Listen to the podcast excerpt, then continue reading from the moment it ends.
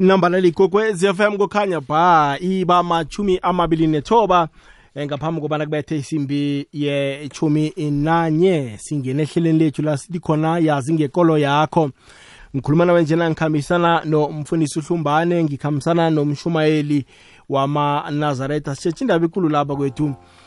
Sitshetshe indaba yokunikela sitshetshe nendaba yokupha. Sele unikele sele uphile qakathekile bona uthathe inthombe na eh uhambe uyokutshengisa abantu ku-social media ukutshela abantu emhathweni utshela abantu ema-tv into ezifana nalezo. Ngibo-ke bazosihlaziyela isihloko sethu sanamhlanje sizwe bona sisiphatheleni isihloko sethu sanamhlanje esimnandi nakangaka. Akhe ngithome ngomfundisi uhlumbane mfundisi maranatha mfundisi. Maranatha medolal nakumshumayeli nakubalaleli siyathokoza. Eh mshumayeli wamanazareth ahlalitho indaba ayibehle kuwe minjo indaba ma ayibehle kumfundisi nomlaleli kokwez-fm siyathokoza kileyo ndawo. Eh mfundisi uhlumbane belinjani ilanga lakho lanamhlanje? Ah belilihle kakhulu medolal awukukho kusolako ah ngikho akukho engikusolayo siyathokoza. Eh mhlalithwa baba. Belinjani ilanga lakho namhlanje?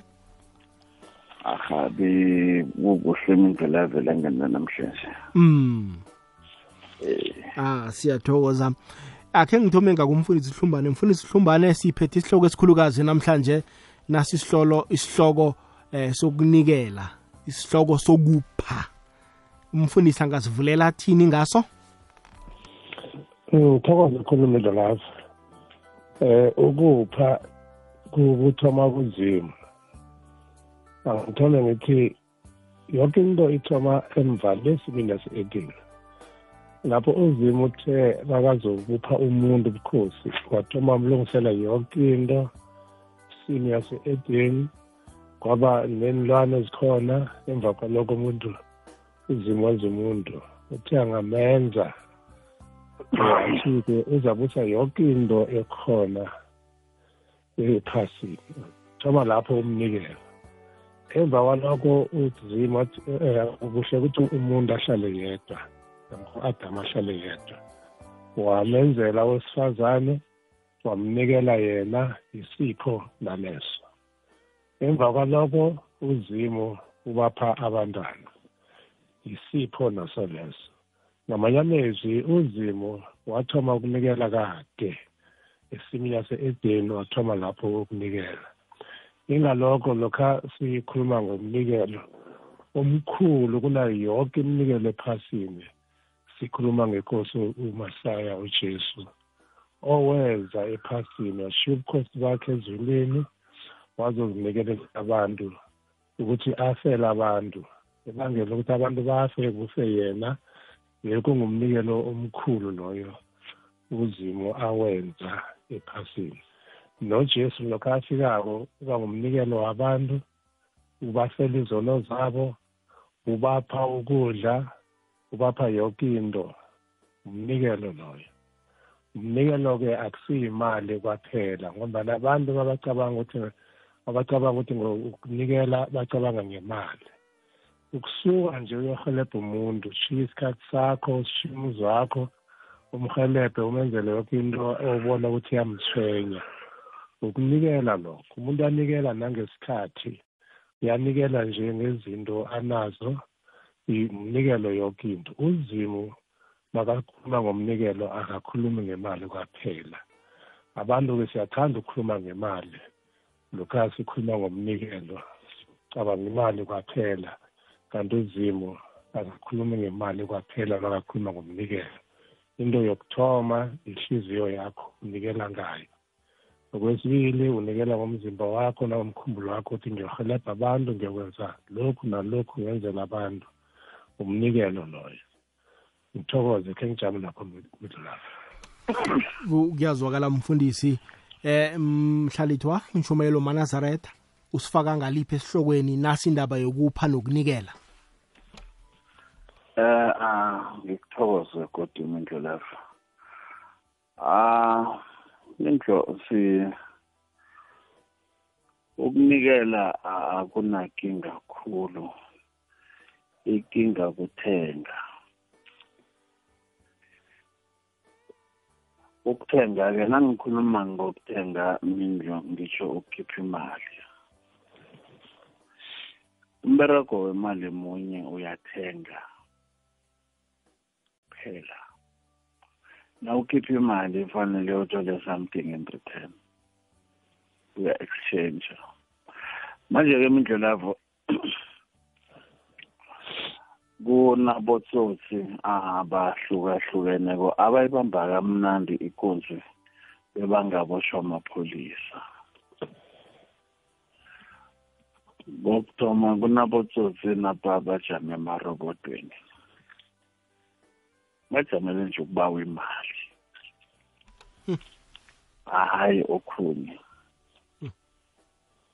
Na ukhipha imali uyathenga. Nawumnikela kusho ukuthi kunento oyithenga kukuye nabotsotsi nabamindlelavo baphethe amakotikoti emamoli. Baphethe amakotikoti bayawahlikihla kete kete kete kete imini liloke nje ubawa imali. Kunabotsotsi ababawa imali emasondweni. Abazenza abantu balankulunkulu whereby badimanda ukuthi every month ilunga nelunga lesondo lithathe ten percent out of his salary ayokunikela ujesu lo ngoba umuntu yena ucabanga ukuthi unikele unkulunkulu noma ucabanga ukuthi unikele ujesu ah mindlo iminikelo yayivele ikhona. Uma sikhuluma ngezinto zabo 20% biblically besikhuluma ngabantu abaya emasimini bayokuvuna. Bese isivuno sabo se-10% basise esondweni kumpristi. Umuntu okuthiwa mpristi-ke mindlelavu uyondliwa. Ngoba umbereko wakhe uhlala nenrandrani uhlala nabaselokazi abanganawo amadoda azokuya emasimini ayobenzela that ten percent. Bese abakhona ukuya emasimini bondla indandane ezinabaselokazi esondweni not specific indoda enye nomndlenayo iyodwa. Uma sicala mindlelavu ngaphakathi kwebhayibheli. One izwi lenkosi alithengiswa mindlelavu Matthew 10 verse 8 and 9 ithi inkosi nginamukelisa ngesihle. Nani yamukelisani ngesihle? Ningafuni isiliva negolide for ukupha abantu izwi lenkosi free ngoba nami ngimnikela free. Uma ke mindlelavo uzokuthatha imali unikele indoda enye uthi uyayibhadala. Ngesondweni mindlo kunabantu abaningi aba-involve is not upastor kuphela kunomuntu ofunda ibhayibheli kunomuntu ohlabelelako kunomuntu obetha ihlombe wonke umuntu ubalulekile imali. Ukuthatha-ke imali abantu ngicabanga ukuthi abantu abayesondweni babantu abahlekileko kaningi. Then kuyisona ukuthatha imali yabantu abahlakileko bese ubenze bakholwe ukuthi imali le banike bayipha ujesu bantu bayipha wena sigebengu ah kunamadoda a kunendoda abayithola iphethe ikotikoti. Eminyango esondo ibawa imali. Abo Peter Zang bayiphi imali? Bathi asinasilva negolide. Ngegama likaJesu sukuma ukhambe manje uma ke sikhuluma into yemali mindlo ngesikhuwa kunegama elithi masukunikela umuntu ifesi. Womfundise ukuthi ithiywa njani. Yazi kwakhe kwenzeka ngenye ilanga ngisethembisa. Bekuno sesi ohlala nomntwana erobodweni. Ngimzwela kabuhlungu ngelinye ilanga ngithi ahamani ngiyamlotshisa uyavuma wena dade. Anginayo nokho imali mara angeke wazongi-ayinela mhlambe ilangelo ozileko ngiza kunikeza two hundred rand. Kunokuthi uhlale elangena utshisa kangakani umntwana omncane okhasa utshisa lilanga imini lonke wathi two hundred rand. Uyadlala wena. Imali ye-two hundred rand ngiyenza nga-two hours wena ufuna ngiyiberegele imini lonke hmm. uyenza nga-two hours ukujama nje ukuthi ujama erobodweni uyazihloyisisa une-daily basis omunye utshiya ten rand umuntu lo akakaholophala indawo. Hmm. hmm. nethi ujame lapho bawe imali. Then uyamzwela-ke emindlo yes mara uthengani kuye ngoba imali umsebenzi wayo kuthenga nabo abantwana bakame jame bagaraji ufuna two randa omunye ufuna two randa uthi ngilambile ngicela isinkwa. Ma umzwelako waye ungehla ungene ngesitolo uthenga isinkwa umnikele. Hayi imali ngiyakuzwa hlalithwa. Ngamanye amagama uthi kunala umtlolo wala khona bona ingasimali yes imali imindlo a imali uyathenga mm. ngayo. Noma uyokunikela esondweni uthenga leso sibusiso. And awebi imali yangawakho abantwana basale balambile. Basho uyokupha umfundisi ubona ngasuthi wenzela uNkulunkulu. In fact iyaguquka imali yakho leyo iba sisono. Nawulambisa abantwana bakho bese uyithathe uyise esondweni. Ngoba abantwana bakho noma nomkakho basale bazonda isondo ngoba liyabalambisa ngendlela. Iyazwakala ngiba ukubamba lapho ohlalithwa. Eh mfundisi uhlalithwa uyakhuluma la uthi ke akunakinga ukupha kodwana sele upha umuntu imali kutsho bona uthenga okuthize. Wena ngelwazi lakho nangipha umuntu imali endleleni ayibawa kunalangone khona na? Ngithokoze bedalafa eh nomshimalo ubeka kuhle kodwana ngifuna size la ngithe umnikelo uthoma le ku-Adam namadodana akhe anikela nanguzimu uthi um lethani umnikelo kimi babaletha umnikelo umnikelo abawufani uzimu bekashilo bona ufuna umnikelo onjani. Omunye ulethe kungasiwo lo olethe kungasiwo uzimu makaphendula loya yena ihliziyo babuhlungu ubulala umfowabo. Kodwana wenze into uzimu athe angayenzi le uzimathi ayenze azange ayenze. Angize lapho-ke ukuthi kusho ukuthini. Kusho ukuthi ngasinikele njengombana uzima asho singathi umfundisi uthi unikele ngekomo umfundisi uthe nginikele nge-ten thousand rand. Ayikho ebhayibhelini. Leyo ukuthi umuntu unikela kangangani namkha utshelwa umuntu ukuthi anikele kangangani. Uzima wenza izinto ezimbili uthe okweshumi nomnikelo. Okweshumi wakusho bona ungangani umnikelo wathi kuphuma ehliziyweni umnikelo lokho lokho upha umuntu imali ngifuna ukubuyela kumshumele kancane. Bawupha umuntu imali awuni cala ukuthi ubujamo bomuntu bufuna imali namkha ufuna ukudla namkha ufuna izambatho. Mawukafuna imali kungenzeka bona ufuna ukukhwela akuhambe ufuna ukwenza into ethize wena ongekho khona umenzela yona. Ziningi izinto ezifuna umuntu um kuthiwa kunesidingo umuntu into ayithogako wena uyakwazi umbona ukuthi lo kunento ayithogako into ayithogako imali ukuthi enze lokhu nalokhu. Lo into ayithogako akusiyimali njengobana ubona umshumela athi bajama emarobotini babawa imali. Abahloga imali laba abantu. Kufanele kuzwakale ukuthi umazi ukuthi uhloga imali namkha uhloga ukudla. Uhlalaphi? Lezi zinto mina ngikhe ngijame ngibabuze. Ukwazi ukwazi la ahlala khona ukuthi eh umuntu lo into ayithoga ukudla. Ma ngibona ukuthi uhlezi lapha ubawa imali angithenge umgodlana wepuphu ngithenge iswikiri ngithengile ngimnikele. Phela kwento kufanele sizicale. Kodwana ukunikela akusiyisona.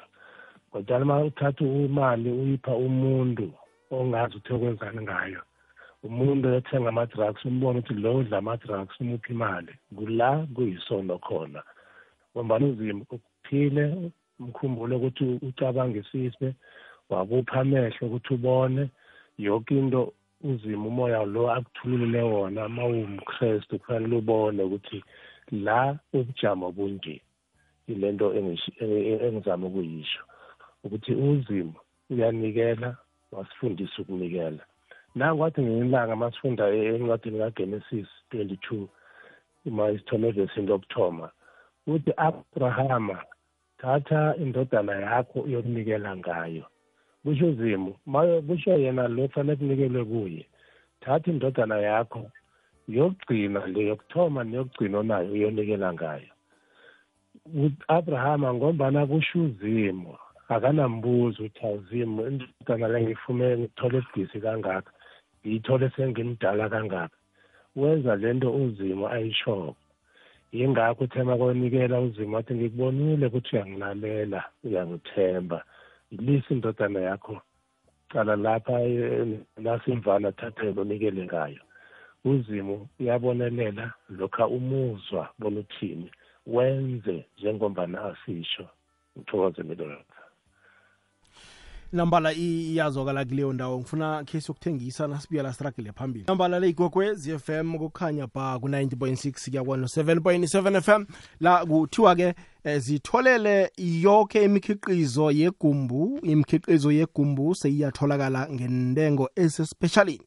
Ngizo zonke intolo zakwaboxa enarheni yonke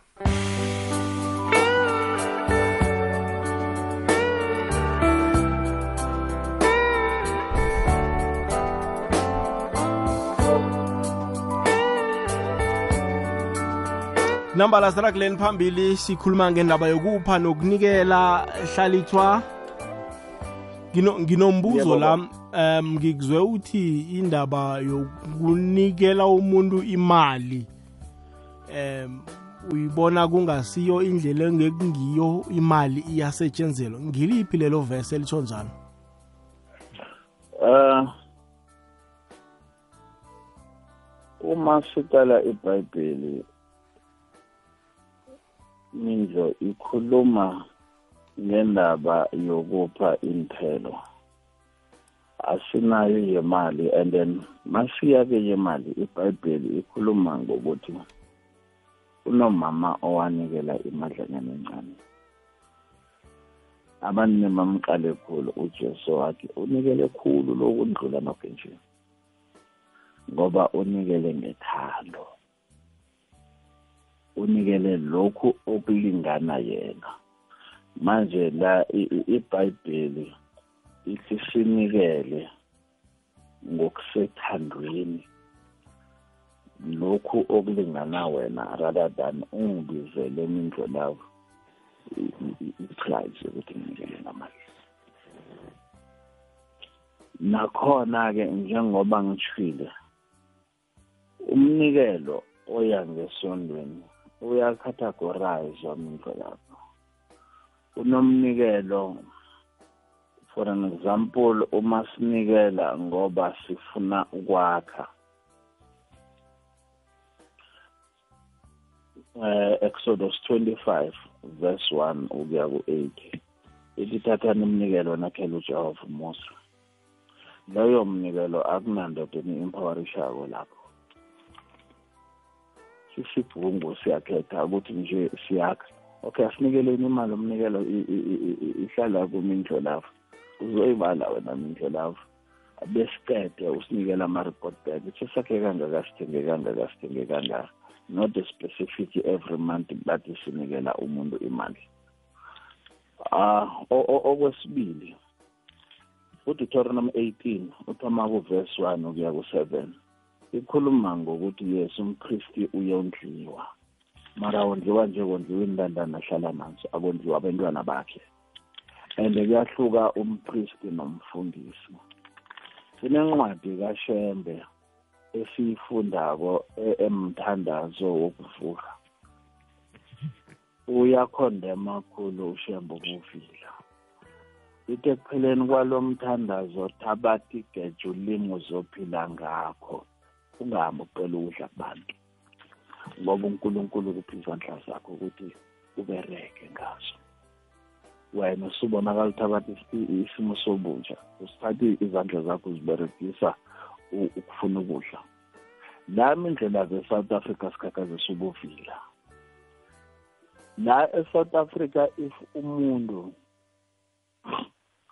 akakhona ukuzenzela u-disabled i-government uyambhadela akunasidingo sokuthi akhakazi so-disabled akuhambe aphethe ikotikoti akuhambe yakogaba imali ngoba umuntu lo uyahola ubhadelwa ngu-government and u-government nge- nge- ngekani uthatha imali ye-tax kubantu ukuthi akhone ukondla abantu abanjalo nabantu abadala.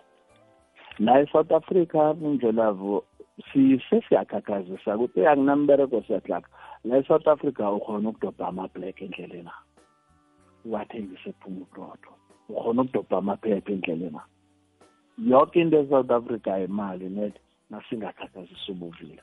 Napha mindlelava abantu ababuya ngaphandle umuntu usuke ekhabo anganasho ngishiva slap lokusula ubuso athi net nje ngifuna ukufika e-south africa kuphela.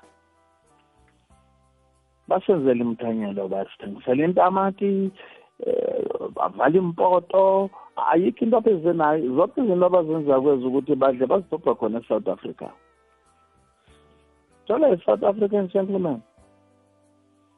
Umtshele enza umntanyelo athengise eyi umfakela amehlo abantu okhulu umuntu layo thola umuntu ala e-south africa. Ukuthi athengise intamati avale impoto umfakela amehlo abantu. Then umtshela yokuba ngitishera yana profession neyi-one mara nefanele nze umbereko abantu abangena-profession umfakela amehlo abantu. U- u- manje sesakhakhazisa-ke ukuvila. Ukuvila-ke busilidele ekutheni sibe mabhekha la e-south africa. Ngengayovila kuphela ubuvila unkulunkulu akafuni. Ithi incwadi kashembe bonke abavilapha yobawulahlwa o wonke amavila ayokulahlwa. yes I- iyazwakala. Iba mhlawumbe kimzuzu ngaphambi kobana kubethe isimbi yechumi nanye. Um mfundisi hlumbane nakhu-ke ke mhlambe umuntu sekanikele namkha sekaphile kufike la atshela isitshaba sonke bona ningamboni anje eh u- uvuswe ngimi ibhrugwa limbethekwe la ngelami ithini ibhayibheli lapho U- u- upha ngokuphuma ehliziyweni namkha ufuna ukuprove ipoint Eh, wakhuluma into akhulumela lapho eh ibhayibheli lithi eh ipha isandla sakho singabonakali ngamanye amezwi ma uchaza le vesi ukuthi ujesu uthini wakathi ipha isandla sakho namkha yipha ufishile ufake esitsheni lapho kufaka khona umnikelo uchaza ukuthi ungabonisi abantu uthi qalani mina nginikele ngemali engaka? Ufake umnikelo wakho esitsheni. Nalaba abaphethe imali encane bona ngethi bayiphakamise bawunikele unikele kufanele wazi ukuthi wonke umnikelo owenzako ophuma ehliziyweni ubuya kunzima lokhu awuhelebha umuntu uyenza kunzima ujesu uba ekhuluma le nto uthi abanye ekugcineni bazathi awu thina salahla ngoba besiphilisa abantu nge- ngebizo lakho. Senza lokhu ngebizo lakho. Sifisa abafile ngebizo lakho. Athi ujesu eyi khambani anginazi la yandaba engisebenzela khona mina nginazi isho ukuthini into leyo? Ukuthi yonke into masiyenzako thina siyenzela abantu sifuna ukubukwa sifuna ukuduma ephasini. Banele abantu abanjalo ekonzweni baba. Ekonzweni kula abantu bathanda khona ukuba phambili enkhundleni eziphezulu babone. Makangasuswa kulesikhundla esiphezulu lenkonzo uyayishiya umnikelo-ke awutsho ukuthi ibonisa abantu ngowakho lozimo njengoba luzimo angabonakali nomnikelo wakho awungabonakali. Nokho ungabonakali umnikelo wakho uyokwenza into ekulu kula wena onikele khona. Nami khangathembekela umuntu umuntu izambatho. Awutsheli muntu ukuthi izambatho zazithengwe ngimi omunye uyasho athi ungatsho bona ngimi engikuthengela izambatho. Omunye ngombana ujabulile azizwe sekakhulumile athi heyi yazi izambatho ezingazithengela ngozibani bani? Akusi icala lakho ngobana wena uthe angatsho yena utsho naye akusiyicala lakhe ngombana usho uthabile abantu kangeke badumise wena bazadumisa uzimo ngombana ukupha umsebenzi kazimu thina simathulusi wakhe ukuthi asisebenzise. Ngithokoze melolafa iyazwakala. Eh uthini ushembe mshumayeli indaba yokubukisa lokho na usizile na uphile ah kuyadiphenda mindlo ukupha. Kuyadiphenda khulu mara ungafundisi abantu ubuvila ithi incwadi kashembe ekupheleni kwalo mthandazo thabatha igeja ulime ozophila ngakho.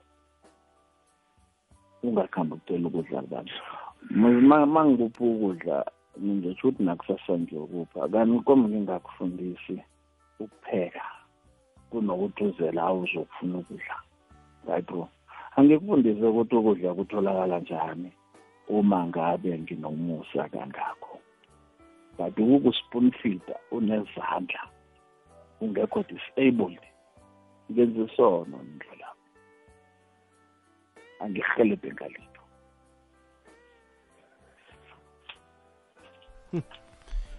no ngiyakuzwa mshumayeli. Sengisho ukuthi ke sele uphile ngibukise. Oh a a mindlo uthi isandla sesidla nasiphako sekhohla singazi ukuthi uphile. Unikela in private. Matthew 6 verse 3 ukufika ku5 ithi unikela in private masukakazisa masukuthi na umphako ubiza social media bazokuchuda uzokhuluma emaphepheni. Umnikelo loyo awukakahlambuluki nasele unikele njalo. Wakhakhazisa ukunikela. iyazwakala hlalithwa hayi mlalela sikumeme nayo ku-079 413 0794132172 whatsapp voice note line yethu. eh, inomboro zomtato 086 0003278 086 0003278 eh mfundisi uhlumbane um kwesinye isikhathi emasondweni mosi abantu bayabekelwa neprice ukuthi umuntu anikele kangangani wanikela ngengaphasi kwale bekiweko uqalwe nakumbi. Ungathini kulokho?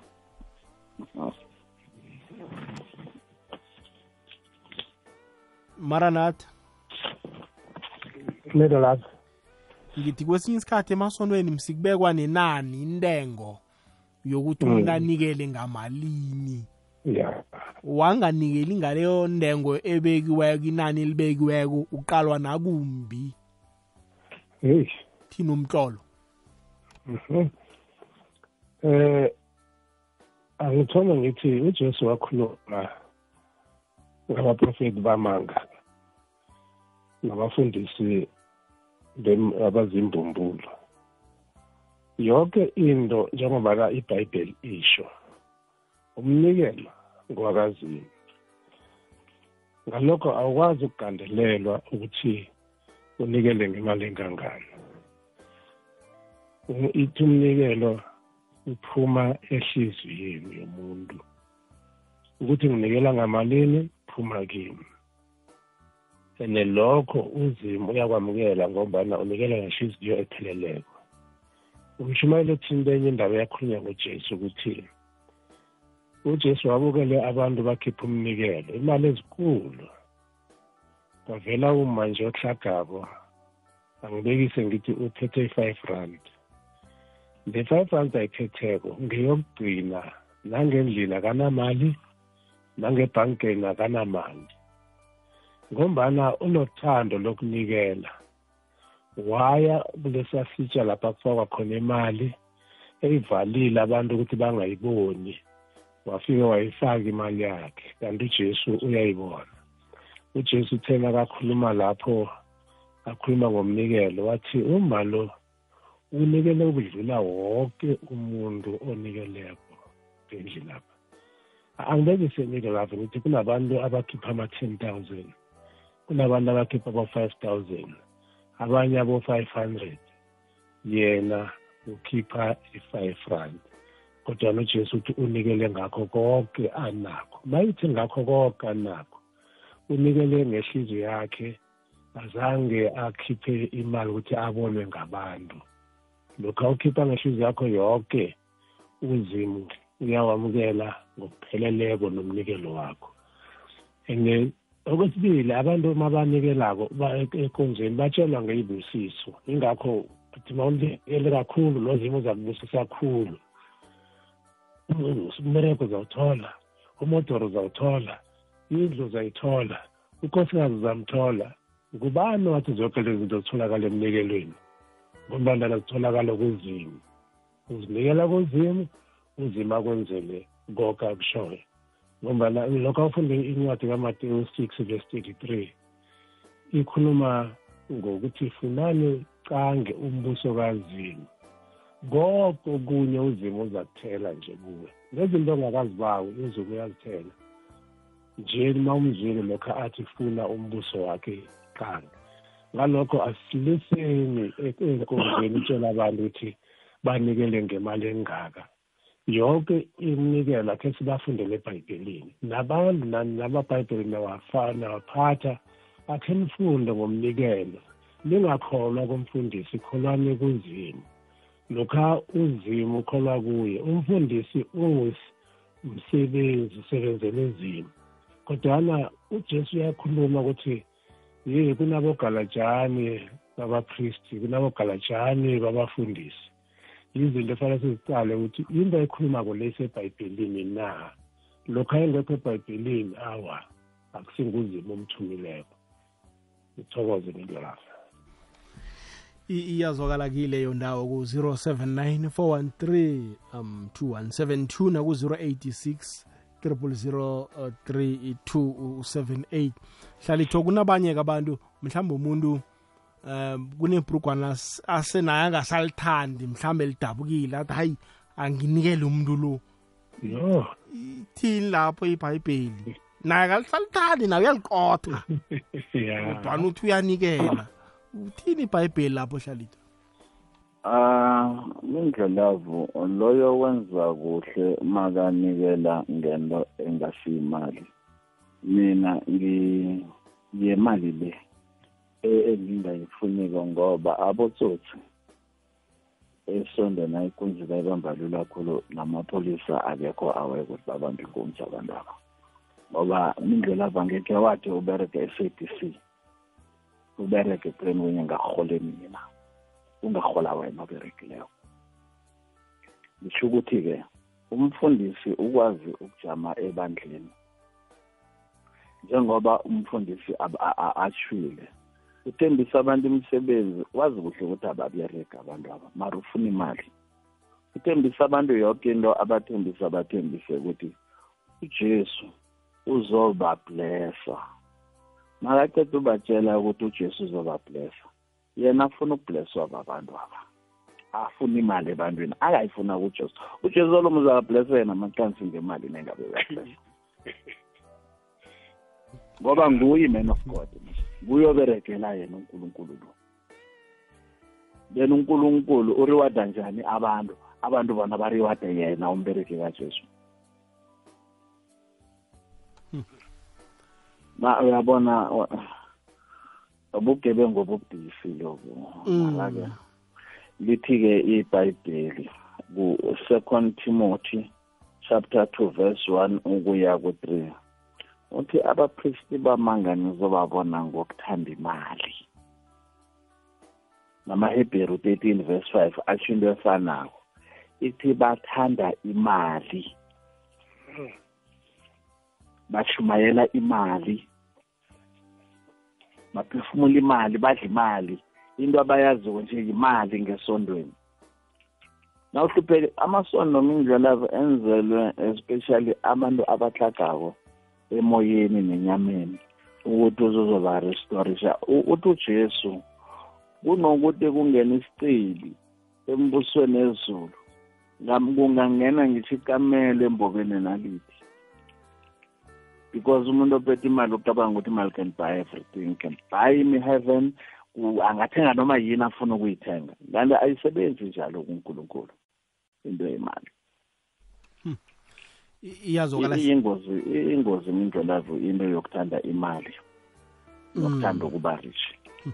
iyazwakala hlalithwa eh mfundisi uhlumbane ukunikela ngena ongasayidingi wena usayithandi kodwa uthi hayi angisengidlulisele uza kubona ayi yeah eh midlapha lapho awunikeli.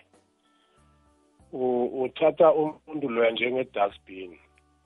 La ulasha khona into ongasazifuni. Akusikunikela lokho. Uma usukela umuntu kazima ohlagile umenza i-dustbin isona esikhulu senzako leso. Nehliziyo yakho ingasho nje ukuthi nikela ayisho ukuthi ngiphosele ku-dustbin lapho ngoba leyo into bengingasayifuni. Thokoza ngifuna ke siyokuqala ke ama ama WhatsApp voice note sihlanganyele nomlaleli kokwezi FM simuzobana uthini?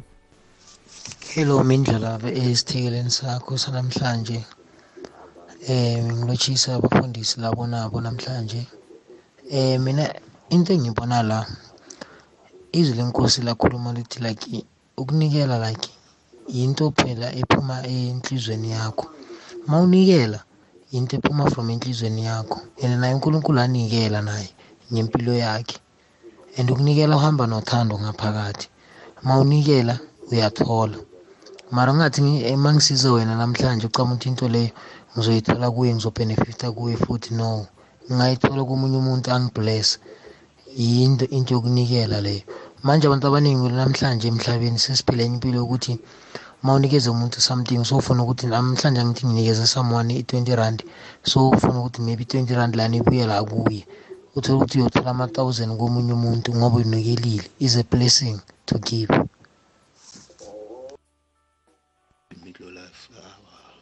siyanikeza. Unganikisa impilo yakho ngabo nakanikezo ukhalisa inhliziyo yakho. Uzimo wathi unikeza. Akunikeza akubabi inikeza imali eyifaneleyo akwabi imidlula afula iziletele zakho akwabi unikeza kulukulu uthi ufinile uthi uyanikeza. Awuthi uyanikeza wena awuphanile konke. Umntu umuntu onikezawo impilo yakho ayivumeli lapho. Iyavumela ivumela ngonkulunkulu lapho impilo lokunathi mamembonelo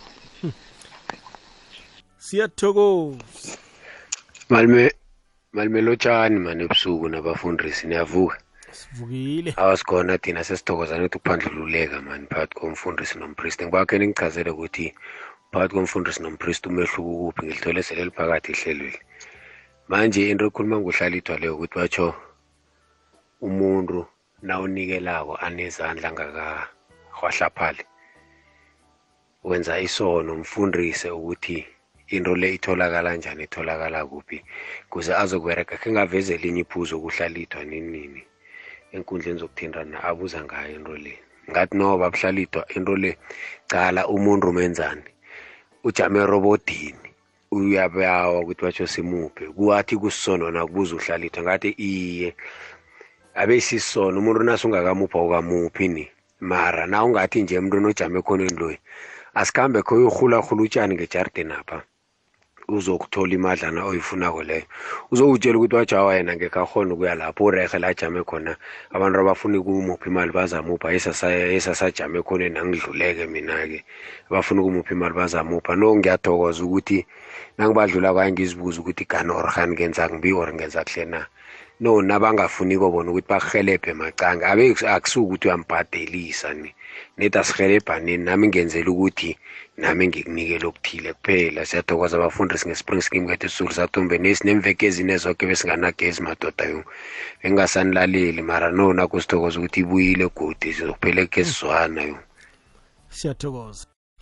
Nambala le ikwekwezi FM kukhanya ba bafundisi bami ngifuna khe siragarage nama ama-whatsapp voice note kancane sikhone ukukhuluma ngawo sele sitete ukwadlala le ikwekwezi FM kukhanya ba sikhuluma ngendaba ekhulukazi la indaba yokunikela. Njengenjena-ke ibali ichumi nemthathu-ke ngemva kwesimbi yechumi nanye lihlelo yazi ngekolo yakho ngikhambisana nomshumayeli wamanazaretha nomfundisi uhlumbane. Sijeje indaba enkulukazi la indaba yokunikela okay angithathe ngibuyisele abafundisini bami la.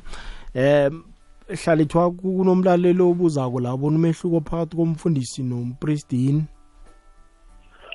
Eh mindlelavo umpristi ungumprofeti umpristi ke mindlo uhlala esondweni on a daily basis. Umpristi usebenza umsebenzi kaNkuluNkulu on a daily basis. Umpristi uhlala nabantu abagulako uhlala nabantu nemndandane uhlala nabafelokazi like ushambe ungumpristi.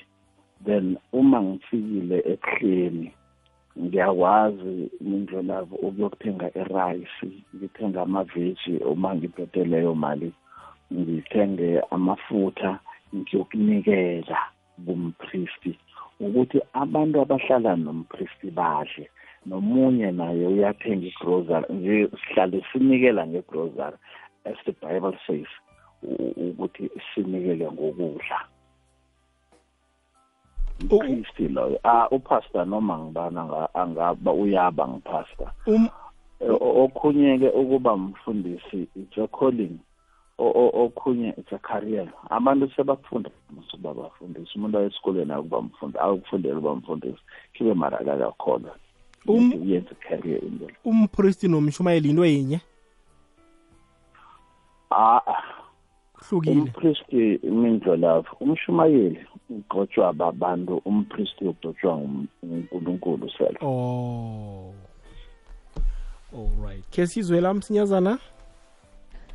Sawubona mindlo lavo nabafundisi. Kwande? Mm, izwi likankulunkulu ku-john 3:16 lithi unkulunkulu wanikela ngendodana yakhe.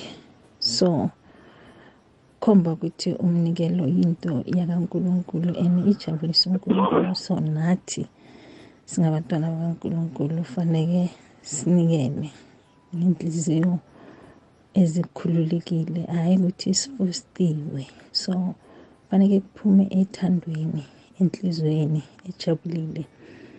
The more you give the more you receive. Sinikela ngezinto eziningi ngesikhathi emsebenzini nokusiza abantu ngokuhlukahlukana. So umnikelo yinto ebalulekile into fanele sisijwayeze ukuyipractice and singasho ovi siyathokoza kileyo ndawo umlaleli wekwekwezi FM ibali ichumi nesithandathu imzuzu phambi kobana kubethe isimbi yechumi namkha ngemva kwesimbi yechumi nanye. Mindlolafu akwande? Nabafundisi lotshani ngolosini ebusuku. Ngiyabezwa abafundisi bakhuluma ngomnikelo. Basekela nangebhayibheli. Emasondweni kunikelwa ngemali. Imali leyo iya kubafundisi abangahlali nabafelokazi nendandane amasondo amaningi akhiwe ajamile kodwa umnikelo uyachubeka kondliwa abaf- abafundisi nemndeni abo abazalwane abakhipha imali le bakhipha imali yokugcina. Abantwana basale balambile. Sondo nosondo kuvulwa ivesi omnikelo yona ihlala ivulwa njalo. Kuyaswayipha emasondweni kunikelwa ngemali. Imali iyaphi? Ngathi abafundisi bangavuka namhlanje balalele ihleleli nabazalwane balalele ukuze be- benze into elungileko. Kukhanya ba ngokomo section i kangani siyathokoza babukhomu kileyo ndawo? Khe sizwe kodwa omunye umlaleli? Lotsha midlolavu ngilotshise nesitekeli sakho. Kwande? Unkulunkulu ukunikela wathi noma unganikela nge-5 cent kwabanye bakhipha ama-1000 amabhiliyoni wathokozisa lowo muntu onikeze ngayo leyo mali encane. Fana lokho omunye wanikeza ngamafutha abaningi banikeza ngamafutha wabo basala namafutha. Yena wanikeza ngewakhe amancane angokugcina kodwa unkulunkulu ngiwo la a- awamukela. Fana nokuthi umuntu nathi athandaza wathi mina nkulunkulu wami angazi ukuthi ngingithi ngathini anginawo amagama amaningi ngawezwakho Engi- engikuthanda ukuthi ngingacela unginikeze ukuhlakanipha nokwazi ngawe.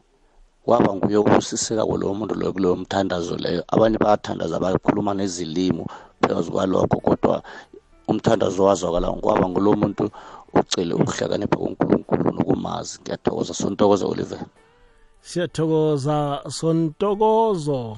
Beka umbono omuhle nakangaka. Nemtatweni khumbula ke bona sikhona ku-086 3003278 khe sizwe umlaleli Lotsha midola mnjani nabefundisi. Eh ngimlalele umfundisi. Umfundisi yazi ukhuluma iqiniso linye nami evane lingirare ukuthi kanti mara noya esondweni iye uyanikela ngokuthanda kwakho nonayo imali yokunikela. Manje simina vane ngirareke nophethe i-five randa unikela nge-five randa ngiyo onayo. Awubereki ukere isibonelelo saka-government eh i-three fifty.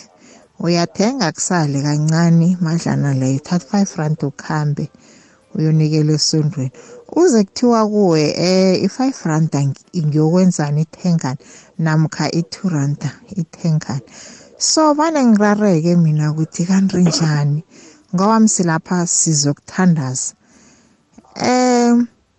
nothi uyacala ufumana ukuthi unomfundisi wakho loya kanalitho ukuhamba ngeenyawo ufana nawe nje nokunikela okhabe kanikeli mara uzwe kuthiwa batsho nonikela khulu uzuza khulu. Ngizuzwa khulu njani umfundisi wami angakazuzi kunguye oshumayelako. Ngiba wangazisho igama yazi eh, ezinye izinto ziyasibalekisa ukuthi siye esondweni kakhulu imali. La ngibone khona bonyana yabona imali kuyibhande yesona ngiyathokoza ngiba wangazisho igama tata siyathokoza kileyo ndawo leyigwegwezi lotshani um mindlolavu kunjani? Kunjani pros hayi sivukile. Neempeli zakho ngapho. Mm.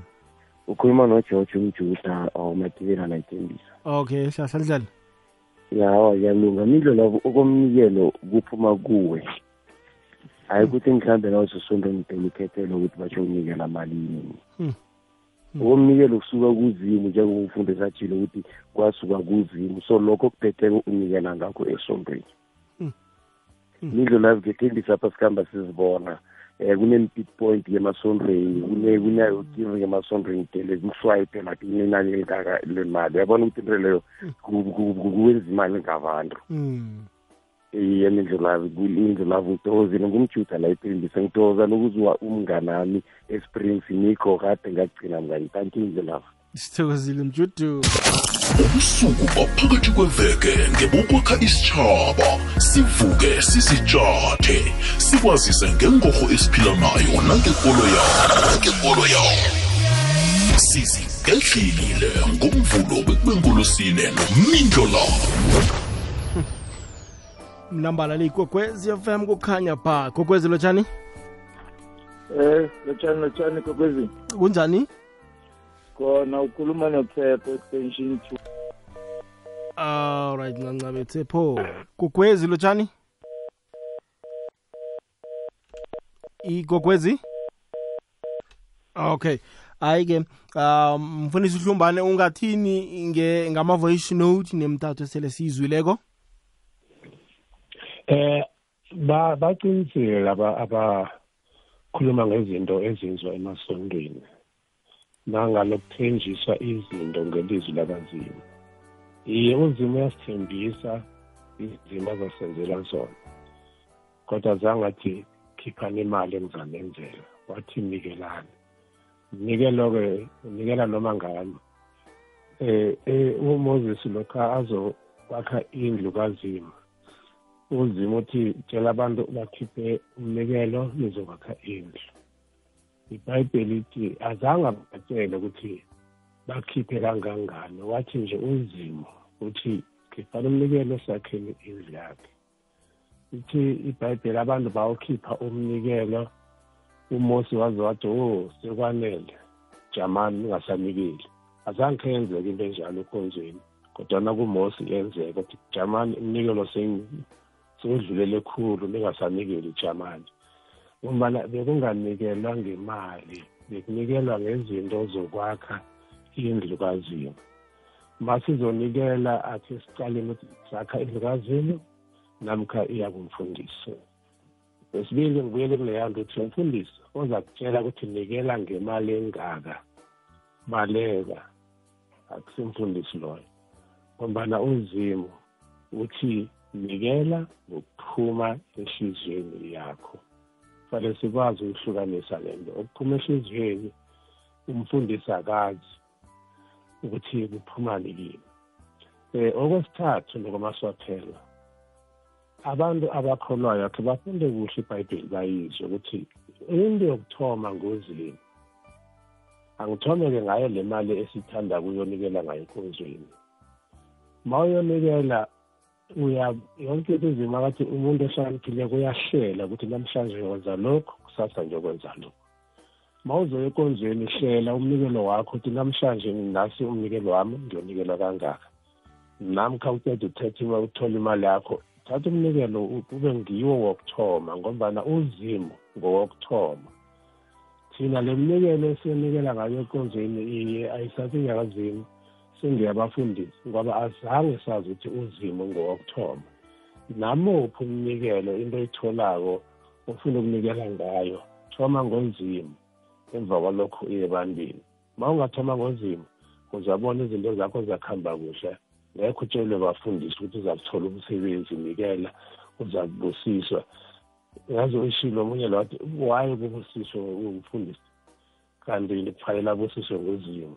Abantu mabaletha umnikelo mabangaqali umfundisi abaqale uzimo ukuthi unikelo kazimo unikela ngalokho okuphuma ehliziyweni unikela kubani then lapho sizabona ukuthi siphethe ikonzo kazimo uthokoze impilo lapha siyathokoza la gogwezi lelo tshani? Gogwezi yebo. Kunjani? Hallo makho sonke. Kunjani? isikhona kunjani? Siyabheka. Mm cha ngiyabezwa bafundisi. Mm ngendlela abayichaza ngayo. Kodwa nje mina engingakusho eh ukuthi cha amasonto amaningi asaphendula ibhizinisi. Akusesiwo amasonto ukuthi ukusiza abantu ukuthi baphole ngokomoya ngokuthi bathi uma beney'nkinga bazi ukuthi endlini yesonto ila bayoduduzeka khona. Kodwa asaphendula amabhizinisi. Ngoba manje sekucina kakhulu sekuqina kakhulu kwiminikelo. Usuthola emasontweni sekufaka ama-ATM mawuthi awuphethe imali kuthiwa nayo i-ATM sekuyaswayipwa emasontweni. Yamuza umfundisi njengoba ethi uma unikela usukunikelela unkulunkulu. I- iyaneni kunkulunkulu le mali ngoba igcina kuyo umfundisi?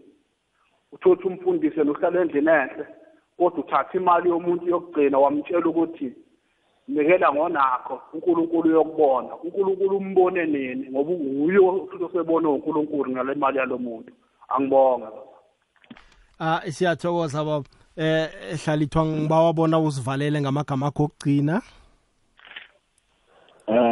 Mindlo kuhle khulu ukunikela kodwana unganikeli umnikelo wemdlayela unikele umnikelo wabantu abahlakaniphileko. Unkulunkulu angakuphi amandla ukuthi uberegele abantu bakho wena bese ulisa abantu bakho uberegela abantwana bendoda enye. Bese ucabanga ukuthi uberegela unkulunkulu. Abantu abavula amehlo bangabanjwa ikunzi ngegama likankulunkulu. Ngoba ziningi-ke iingebengu ziyayibamba ikunzi ngegama likankulunkulu. Abantu kufanele bahlukanise abantu bakankulunkulu nabantu bakasathana abangesondweni abantu kufanele bahlukanise ukuthi nginikela makwenze njani la anginikeli sengibanjwa ikunzi la.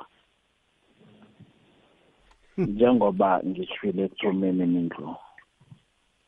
mindlo umuntu umthengela ukudla ufuna ukudla qala musimindlo e-south africa umuntu uyathoga ukudla abawe anikele ukudla mara utshwala yokuthenga angabhawa bona. Umuntu udla ukhetha ukudla ukudla ema-dustbin mara nefanele athole inyawuphi akayiqala e-dustbin uyoyithenga yinto ekutshela ukuthi i-south africa is very rich.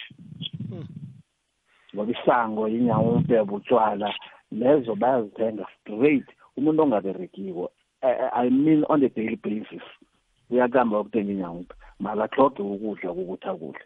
So usathana is here staying with us.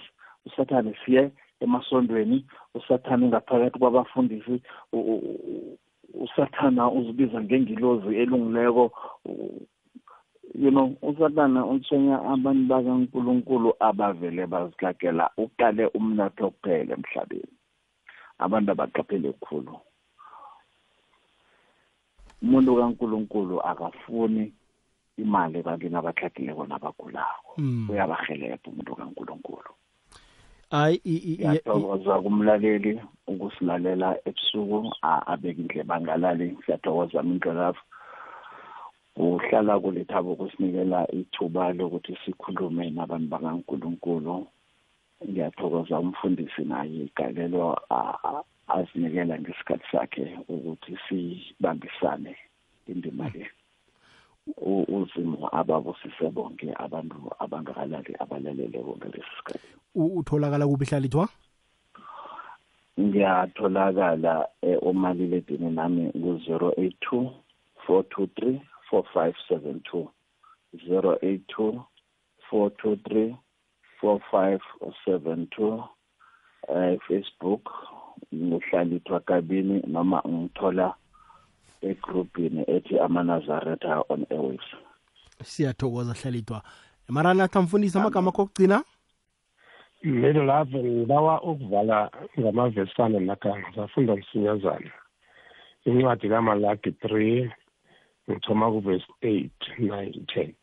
Ithi kunomuntu ongagalaja uzimo na? Kodwana nina niyangigalaja. Niyabuza nithi sigalaje njani? Ngokwethumi nezipho ninikelele ngamanikelela sizwe sonke ngombana niyangigalaja. Lethale konke okwethumi ngesilulwini ukuze kube nokudla endlini ngilingani ngalokho. Ngifuna lezi esiyamasaphela uzimo wokuthoma ngalo uthe siyamgalaja masingalethi umnikelo nokweshumi la ivesi engiyithandayo le ithi lethani umnikelo nokweshumi ngesilulwini. Ukuze kube nokudla endlini angazi abafundisi baphi bangangeni.